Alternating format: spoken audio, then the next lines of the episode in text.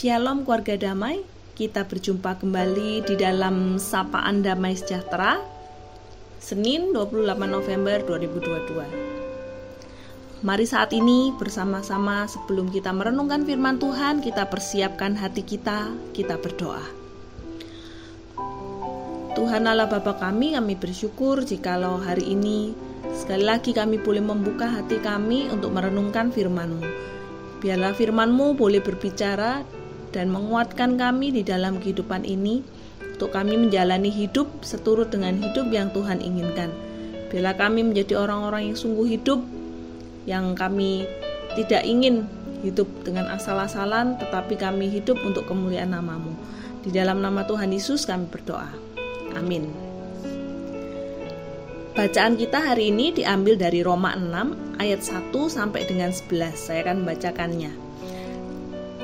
Jika demikian, apakah yang hendak kita katakan? Bolehkah kita bertekun dalam dosa supaya semakin bertambah kasih karunia itu? Sekali-kali tidak. Bukankah kita telah mati bagi dosa? Bagaimanakah kita masih dapat hidup di dalamnya? Atau tidak tahukah kamu bahwa kita semua yang telah dibaptis dalam Kristus telah dibaptis dalam kematiannya. Dengan demikian kita telah dikuburkan bersama-sama dengan dia oleh baptisan dalam kematian, supaya sama seperti Kristus telah dibangkitkan dari antara orang mati oleh kemuliaan Bapa. Demikian juga kita akan hidup dalam hidup yang baru. Sebab jika kita telah menjadi satu dengan apa yang sama dengan kematiannya, kita juga akan menjadi satu dengan apa yang sama dengan kebangkitannya karena kita tahu bahwa manusia lama kita telah turut disalibkan supaya tubuh dosa kita hilang kuasanya, agar jangan kita menghambakan diri lagi kepada dosa. Sebab siapakah yang telah mati, ia telah bebas dari dosa. Jadi jika kita telah mati dengan Kristus, kita percaya bahwa kita akan hidup juga dengan Dia.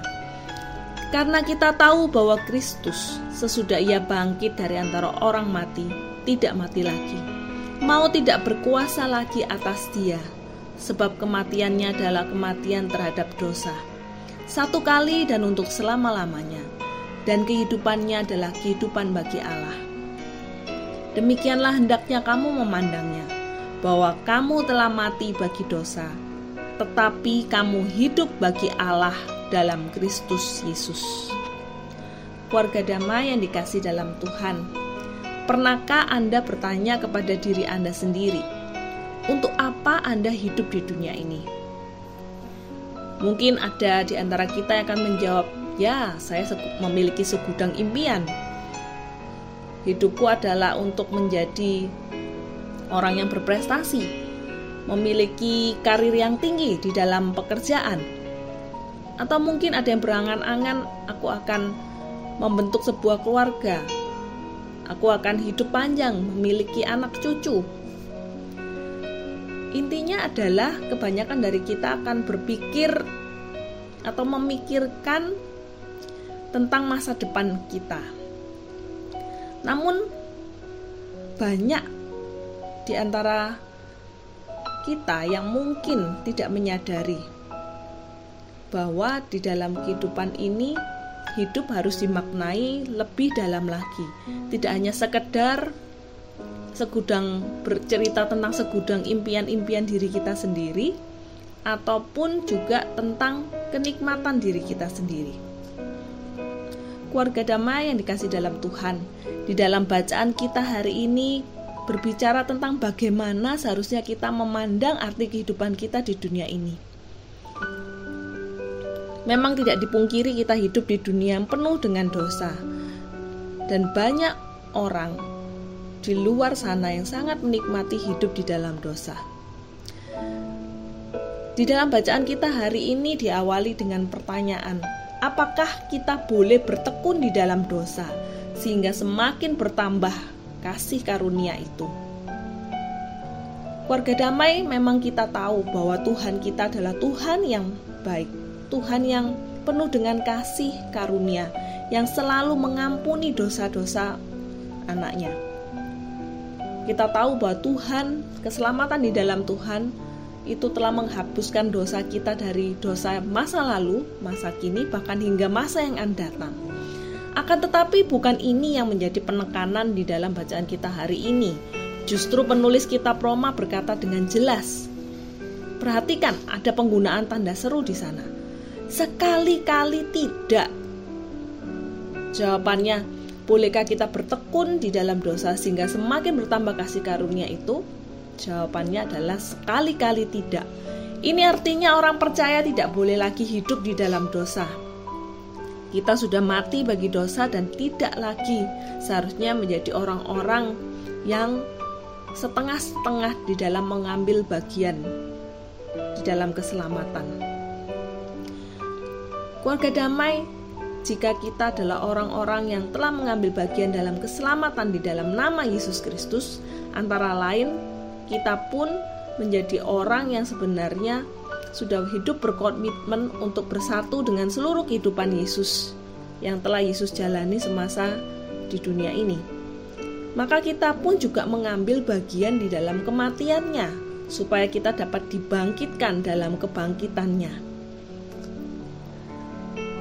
Keluarga damai, jika demikian maka kita pun harus benar-benar memaknai dan memahami bahwa kematian Yesus Kristus di atas kayu salib Sesungguhnya itu adalah kematian yang menggantikan posisi kita, yang seharusnya kitalah yang disalib. Dan Yesus, dia telah mati satu kali untuk menebus dosa-dosa kita. Sehingga kita pun seharusnya menjadi orang yang tidak boleh lagi menyerahkan tubuh kita kepada dosa. Kita yang telah mati dalam kematian bersama-sama dengan Kristus, kita telah bebas dari dosa. Dan karena kita telah mati dengan Kristus, maka kita pun juga akan hidup dengannya. Karena Kristus telah mengalahkan maut sehingga maut tidak berkuasa lagi atasnya. Keluarga damai ingat bahwa Yesus Kristus hanya mati satu kali saja di atas kayu salib. Dia tidak mati berkali-kali di atas kayu salib. Karena kematiannya dan kebangkitannya tersebut, kita menjadi pengikut Kristus yang juga hidup oleh Dia.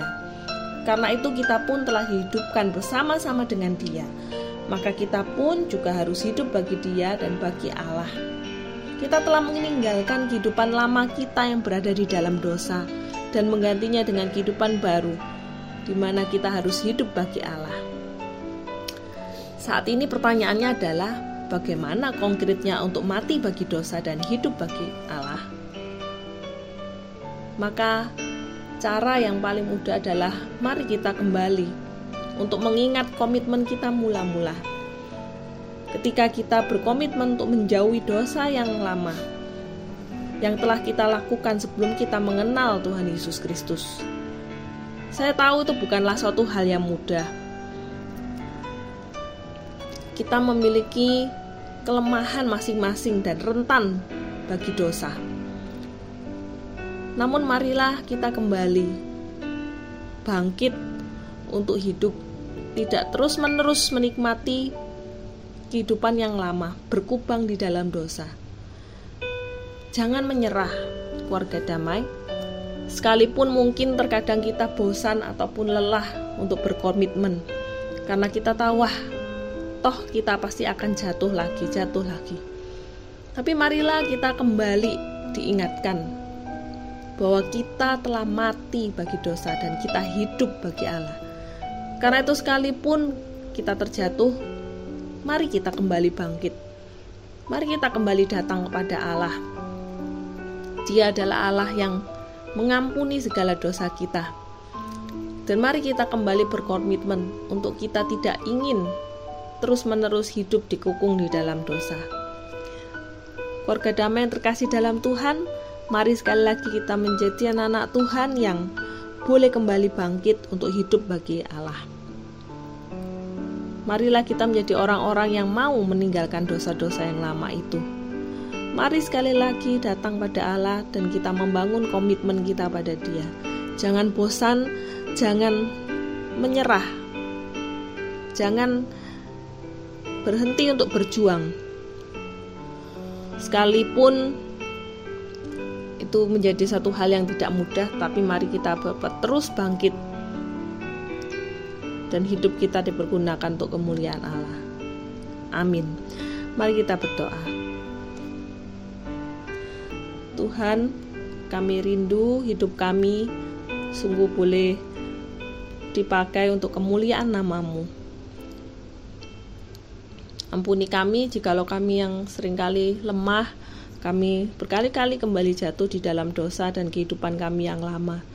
Tuhan saat ini melalui firman-Mu kembali kami diingatkan bahwa seharusnya kami adalah orang-orang yang mati bagi dosa, orang-orang yang tidak lagi menikmati keberdosaan kami ya Tuhan, tapi kami hidup bagi Allah. Tuhan telah menebus hidup kami dari dosa dan kami pun rindu kami boleh kembali bangkit Kembali kami boleh berkomitmen untuk hidup demi kemuliaan namamu ya Tuhan. Saat ini Tuhan, biarlah Tuhan sendiri yang boleh menuntun dan terus menguatkan kami di dalam peperangan kehidupan kami sehari-hari. Di mana kami menjadi anak-anak Tuhan yang tidak berhenti untuk berjuang dan menyerah di dalam memerangi dosa di dalam kehidupan kami.